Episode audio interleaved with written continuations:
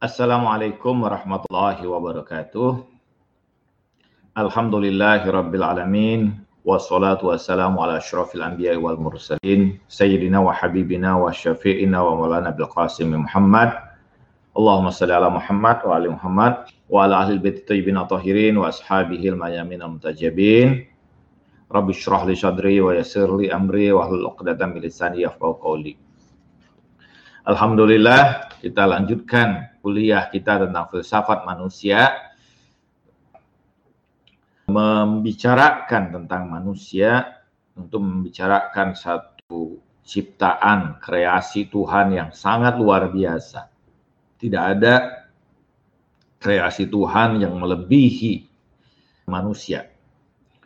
Dalam agama Islam kita mendapatkan penggambaran bagaimana Allah memerintahkan seluruh malaikat untuk sujud kepada manusia. Menunjukkan bahwa kedudukan manusia ini merupakan kedudukan yang sangat luar biasa. Nah, dalam kuliah kita yang keempat tentang manusia ini, kita lanjutkan bahwa di antara fitrah manusia adalah mendapatkan pengetahuan upaya untuk mengetahui sesuatu itu adalah sesuatu yang sifatnya fitrah pada diri manusia.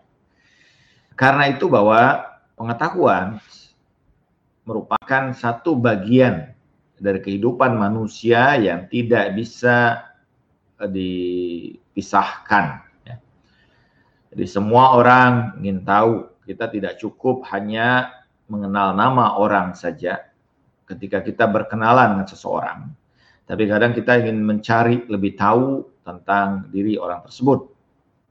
Berasal dari mana, aktivitasnya apa, dan sebagainya. Nah, sebagai contoh bahwa bagaimana dorongan rasa ingin tahu tersebut ada pada semua manusia, pada semua kita.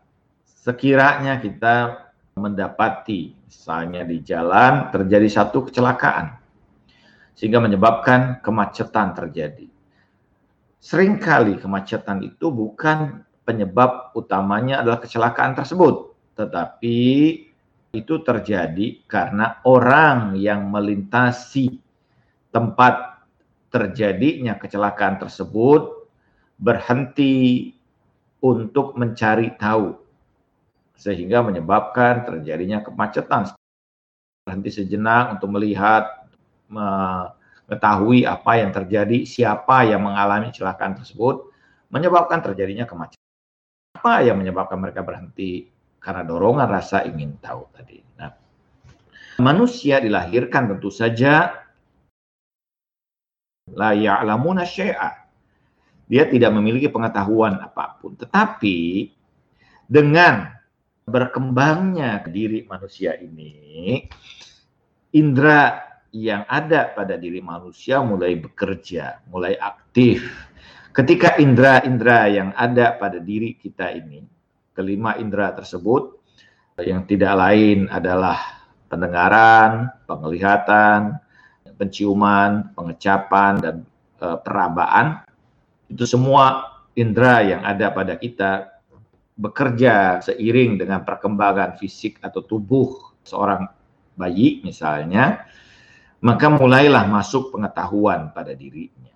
Jadi indera adalah alat yang mengkomunikasikan beragam hal yang ada dari luar diri kita ke dalam diri kita. Mulai kita mendengar suara, melihat objek-objek, warna-warni yang ada, mencium bebauan, beragam bebauan, kemudian mengecap makanan, beragam jenis makanan dengan beragam rasa yang ada, dan meraba objek kasar, lembut, halus, dan sebagainya. Ya. Ini semua memberikan pengetahuan pada kita. Betapa banyak pengetahuan yang kita dapat melalui indera kita ini. Sehingga seorang filosof besar, Ibnu Sina, menyatakan bahwa man faqada hisan faqad faqada ilman. Barang siapa yang kehilangan inderanya, maka dia akan kehilangan ilmu pengetahuan.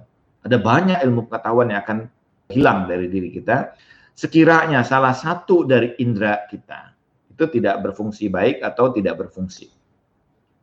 Contoh, orang yang tidak dapat melihat dari sejak kecil, maka tidak akan ada konsep warna-warni pada dirinya. Tidak ada konsep tentang beragam bentuk-bentuk yang ada. Jalun Rumi misalnya mengisahkan tentang orang buta yang disuruh untuk memegang gajah dan kemudian mengekspresikan bagaimana gajah itu. Yang terjadi pada mereka adalah pengetahuan-pengetahuan yang didasarkan hanya pada perabaan mereka yang bersifat parsial sehingga masing-masing mendefinisikan tentang gajah yang berbeda. Mereka yang menyentuh belalainya mengatakan gajah itu bulat, panjang, dan berlentur. Mereka yang memegang taringnya akan mengatakan gajah itu tajam dan keras. Mereka yang memegang perutnya mengatakan bahwa gajah itu bulat. Mereka yang memegang kakinya mengatakan bahwa gajah itu tinggi ya, apa bulat panjang seperti tiang. Ada yang memegang buntutnya mengatakan bahwa gajah itu bulat kecil gitu. Ini ekspresi-ekspresi yang muncul ketika kemudian orang itu tidak bisa melihat gajah itu seperti apa. Sehingga dia mengandalkan indera perabaannya dan mengekspresikan itu secara sangat parsial dia tidak akan bisa menggambarkan warna gajah itu seperti apa atau mata gajah seperti apa misalnya karena itu tidak mampu dia saksikan. Nah, demikian juga ketika seseorang itu indera pengecapannya mengalami masalah, maka itu akan bermasalah atas beragam rasa yang mungkin dia bisa rasakan dari beragam makanan yang ada dia tidak akan merasakan manisnya mangga yang berbeda dengan manisnya rambutan, yang berbeda dengan manisnya durian misalnya dan sebagainya. Demikian juga bahwa ketika indera pendengaran seseorang itu mengalami masalah, maka yang terjadi padanya adalah dia tidak mampu mendengarkan nada tinggi rendah, keindahan suara dalam nyanyian, atau alat-alat musik yang begitu harmonis luar biasa, menghasilkan bunyian-bunyian yang indah, ini semua akan kehilangan dari dirinya. Nah, pengetahuan yang eh, beragam ini akan hilang ketika seseorang itu tidak memiliki indera atau salah satu bagian inderanya itu mengalami masalah. Tetapi dengan indera yang ada ini, beragam pengetahuan yang dari luar masuk ke dalam diri kita dan kita mendapatkan pengetahuan yang banyak karenanya bahkan kita kemudian merekonstruksi ya dari beragam pengetahuan-pengetahuan yang didapat berdasarkan indera kita ini. Itu indera zahir kita. Ada indera batin kita, indera yang berasal pada jiwa kita. Seperti misalnya pada kuatul hafizoh, daya ingat. Jadi ketika kita mendapatkan objek sesuatu, misalnya ketika Anda melihat api maka api itu, gambaran objek api itu tersimpan di dalam diri Anda. Ketika seseorang mengatakan api, maka gambaran api itu dengan segera muncul pada diri Anda.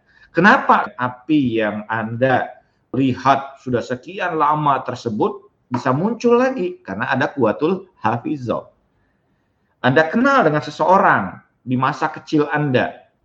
Setelah sekian lama berpisah, Kemudian Anda ketemu lagi dengan dia. Dan Anda tahu, eh apa kabar? Sudah sekian lama kita tidak berjumpa. Bagaimana keadaan kamu sekarang dan sebagainya. Kenapa kita bisa mengenali lagi orang tersebut padahal ini sudah sekian lama kita berpisah darinya karena ada kuatul hafizah. Ada daya ingat pada kita. Ada kuatul khayaliyah yaitu daya imajinatif pada diri kita.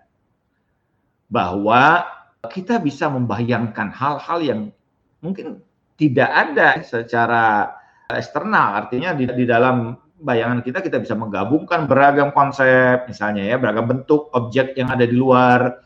Kemudian kita menghayalkan akan terjadi sesuatu atau akan ada orang yang datang kepada kita, kita menghayalkan kehidupan kita yang jauh ke depan dan sebagainya. Ini karena ada kuatul khayaliyah ya. Ini daya imajinatif yang sangat luar biasa. Anda bisa bayangkan bahwa sebagian besar teknologi yang ada sekarang itu itu muncul dari kuatul khayaliyah, daya imajinatif pada diri seorang ini. Daya imajinatif itu melintasi batas ya. Dia tidak ada masa lalu, masa sekarang mau masa depan tidak ada di sini, tapi bisa ke mana saja membawa Anda melalui daya imajinatif Anda. Orang yang ada di luar itu bisa Anda buat seperti apa saja karena kemampuan daya imajinatif Anda. Anda bisa mengkreasi sesuatu tidak terbayangkan bahwa pesawat yang begitu berat dengan beban berat yang demikian luar biasa bisa terbang di angkasa. Itu karena diawali dengan kuatul khayaliyah daya imajinatif kita ya. Dia bisa merekonstruksi misalnya ada singa, ada burung yang kita gabungkan menjadi satu bentuk yang kita sebut dalam istilah logika sinkretisme yaitu muncul dalam imajinasi kita singa terbang misalnya dan sebagainya ya Anda bisa menghayalkan apa pun yang Anda inginkan Kenapa Anda bisa melakukan imajinasi, melakukan kreativitas, melakukan keindahan musik, keindahan seni, lukisan dan sebagainya bisa muncul keluar karena ada daya khayaliyah ini, daya imajinatif ini. Ada daya yang juga disebut dengan daya indera batin kita itu dengan daya takhayulat. Ya. Takhayulat itu daya yang merekonstruksi ya beragam bentuk dan sebagainya dalam menisbahkan satu bentuk pada bentuk yang lain ya. Ini disebut dengan kuatul takhayulat. Ada lagi kuatul analisis dan sebagainya itu muncul dari kuatul takhayulat sini. Ada lagi yang disebut dengan kuatul mustarakat ya. Itu daya yang mengikat keseluruhan itu ya, menghubungkan satu dengan yang lain, membangun konsep dan sebagainya. Ini disebut dengan kuatul mustarakat. Ya. Nah, ini indera yang ada pada batin kita. Jadi Selain daripada indera zohir yang ada pada kita, kita juga memiliki indera batin kita. Di samping itu juga bahwa pada manusia ini ada yang disebut dengan apa? Fitrah. Apa itu fitrah? Fitrah itu seperti yang tadi saya gambarkan di awal bahwa kita memiliki fitrah. Fitrah itu adalah salah satu unsur yang ada pada diri semua manusia tanpa didapat melalui proses belajar ada pada setiap manusia di setiap zaman tidak terbatas hanya pada batasan tertentu apakah itu jenis kelamin ataukah kemudian ras eh, suku dan sebagainya dan terkait nilai-nilai yang universal. Jadi contoh bahwa semua orang senang pada kebaikan. Itu fitrah semua manusia. Semua orang senang pada keindahan itu fitrah semua orang senang pada kebersihan, itu fitrah, ya. Semua orang tidak suka pada kejelekan, itu fitrah pada diri manusia. Semua orang ingin mendapatkan kebahagiaan, itu fitrah pada semua manusia. Ini menunjukkan bahwa elemen yang ada pada diri manusia itu ada fitrah. Semua orang percaya akan hal yang gaib misalnya. Itu fitrah, semua orang. Anda cari sampai pada pelosok-pelosok kampung misalnya di hutan dan sebagainya, kepercayaan akan adanya hal yang gaib di balik hal yang material ini itu semua orang punya kepercayaan seperti itu. Ada hal yang luar biasa, hal gaib yang luar biasa yang bekerja dalam kehidupan kita misalnya. Itu semua orang juga memiliki kepercayaan akan tersebut. Hal kepercayaan akan hal gaib yang bekerja dalam proses kehidupan kita itu disebut sebagai apa? Fitrah. Jadi karena itu bahwa fitrah manusia ini bertujuan sebenarnya unsur yang luar biasa pada diri manusia ya mengenali hal-hal yang luar biasa dalam dimensi kehidupan manusia cinta kasih kebaikan kedamaian dan sebagainya itu seluruhnya fitrah yang mendorong sebenarnya menuntun manusia untuk bisa mengalami kehidupan yang baik dalam kehidupan ini. Ini unsur yang luar biasa, unsur bukan sebagai unsur ketiga yaitu fitrah pada diri manusia. Kemudian ada unsur lain pada diri manusia itu apa? Al-akal. Akal itu disebut akal karena dia mengikat sebenarnya. Ya. Apa yang diikat oleh akal ini? Yaitu beragam konsep-konsep yang ada ini dipisah-pisahkan, dikelompok, dianalisis ya bahkan menghasilkan beragam kesimpulan-kesimpulan, menghasilkan makna dan sebagainya. Jadi pada akal ini adalah elemen dalam upaya manusia untuk melakukan proses yang disebut dengan apa? Tafkir, proses berpikir, tafakkur. Jadi proses fikr itu adalah harakatul akal minal jahal ilal ini yaitu proses di mana manusia ini dari ketidaktahuan menuju pengetahuan itu adalah proses akal yang melakukan upaya untuk memberikan beragam pengetahuan hal-hal konseptual teori-teori dan sebagainya tentang hukum yang ada yang tidak terlihat secara material bahkan hal-hal yang sifatnya induktif ya yang bisa dari konteks yang parsial di, kemudian kita ambil kesimpulan atau hal-hal yang mengikat di antara semuanya, kemudian kita menghasilkan satu kesimpulan yang ini adalah merupakan proses akal manusia ya. Jadi akal manusia kemudian merekonstruksi dan sebagainya menghasilkan beragam pengetahuan yang sangat luar biasa. Elemen yang paling luar biasa dalam diri manusia ini yang kita kenal sebagai apa? Akal ini. Ini membawa manusia itu dapat berkembang luar biasa dalam proses kehidupannya bahkan menciptakan beragam budaya, beragam peradaban, menghasilkan pengetahuan, menghasilkan teknologi, menghasilkan sains dan sebagainya, membuat struktur kehidupan negara, bangsa, ekonomi, masyarakat, sosial dan sebagainya, politik ini dihasilkan melalui proses akliyah. Jadi proses ta'akul, proses penggunaan akal ini dalam kehidupan manusia jadi sesuatu yang sangat penting. Karena itu para filosof misalnya mengatakan ketika menerjemahkan makna manusia sebagai alinsan haywanun natik, manusia itu adalah hewan yang berakal, orang hewan yang berpikir, punya kemampuan untuk melakukan beragam proses analitis dan sebagainya, ini adalah satu hal yang sangat luar biasa, karunia yang sangat agung pada diri manusia. Sebagian filosof muslim mengatakan bahwa kalau di luar itu Tuhan mengutus seorang untuk menjadi nabi, maka nabi pada setiap orang itu adalah akalnya. Jika demikian, apakah akal manusia tidak mungkin salah? Akal pada tingkat akal itu tidak mungkin salah. Tetapi bahwa kesalahan terjadi ketika antara apa yang proses akalnya ini, dalam proses penggunaan akalnya ini ada kekeliruan dalam penggunaannya. Kalau pada tingkat akalnya sendiri, itu dia tidak mungkin mengalami ke kekeliruan. Tapi dalam penggunaan akal itu sering kali bisa terjadi kekeliruan ya. Bahwa karena itu misalnya di situ diperlukan ilmu bagaimana menggunakan akal itu bisa secara benar ilmu apa yang digunakan agar akal kita berfungsi dengan benar, menghasilkan kesimpulan yang benar, itulah yang disebut dengan ilmu mantik atau ilmu logika. Jadi kita melihat bahwa bagaimana daurul akli ini kemampuan akal ini begitu luar biasa dahsyat dalam kehidupan kita. Kita sebagian besar dari proses yang kita dapatkan ini juga melalui proses tafakur yang itu terjadi di dalam akal kita. Unsur lain yang luar biasa pada diri manusia. Unsur berikutnya apa?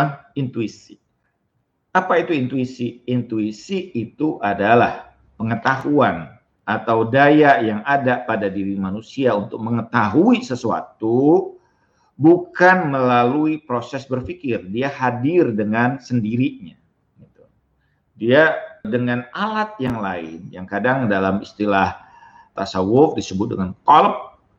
Al qalbun itu adalah bagian dari unsur diri manusia yang dia dengan itu bisa mengetahui sesuatu.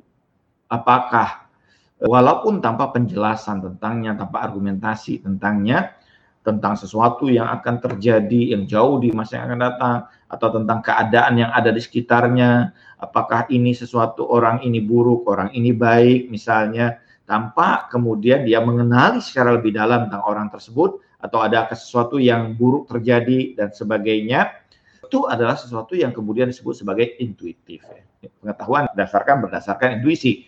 Dan sebagian besar misalnya pengetahuan yang ada pada diri seorang nabi itu didasarkan pada apa? Pada intuisinya kalau kita lihat di dalam Islam saja misalnya dalam Al-Quran bagaimana Yusuf alaihissalam itu banyak mendapat pengetahuan melalui apa? Mimpinya.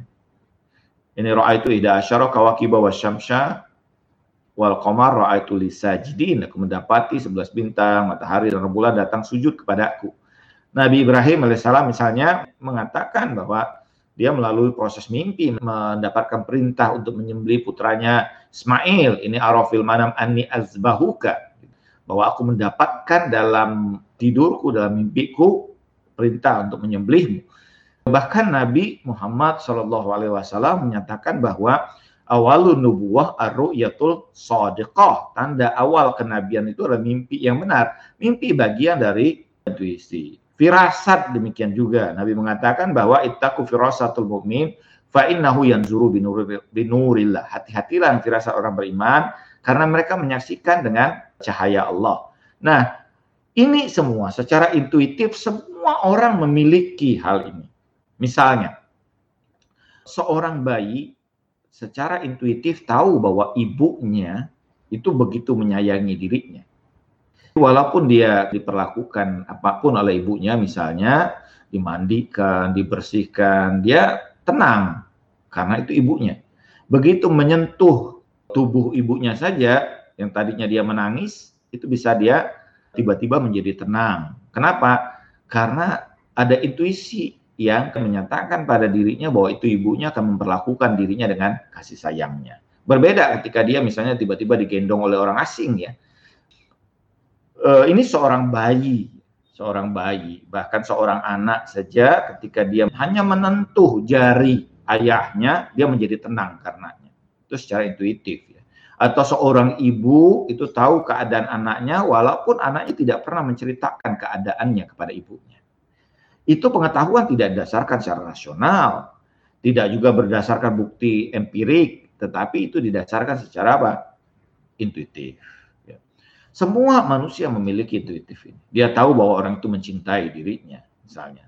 Atau dia tahu bahwa walaupun tidak dijelaskan dan sebagainya, orang itu tidak suka kepadanya. Itu intuitif ya atau dia tahu bahwa ada sesuatu hal yang akan dia alami. Itu sesuatu yang sifatnya apa? Intuitif. Nah, intuisi merupakan bagian yang sangat penting dalam kehidupan manusia ini yang menghubungkan dirinya dengan hal-hal yang non material. Dia tidak mungkin didasarkan pada atau tidak ada bukan berdasarkan pada sesuatu hal yang sifatnya argumentasi rasional akliyah tetapi di luar daripada argumentasi rasional akliah karena banyak hal dalam proses kehidupan manusia di alam semesta ini yang hanya mampu dipahami intuitif ya. seorang nabi mendapatkan pengetahuan-pengetahuan yang luar biasa itu secara intuitif bahkan seorang ilmuwan yang menemukan beragam teori dan sebagainya sebagian besar pengetahuan atau teori-teori itu didapatkan awalnya secara apa? intuitif.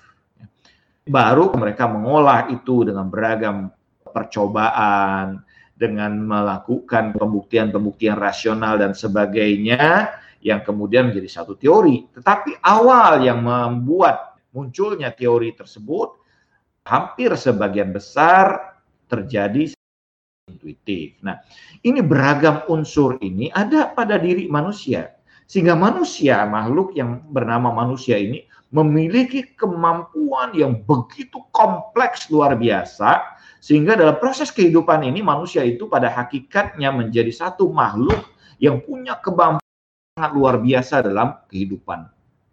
Jadi karena itu ketika kita ingin memahami manusia, tidak cukup hanya memahami manusia hanya pada satu dimensi saja. Hanya satu keunggulan saja pada diri manusia itu terkumpul dan terhimpun beragam keunggulan yang sangat luar biasa. Oke, sampai di sini mungkin kita akan lanjutkan kuliah kita pada pertemuan berikutnya.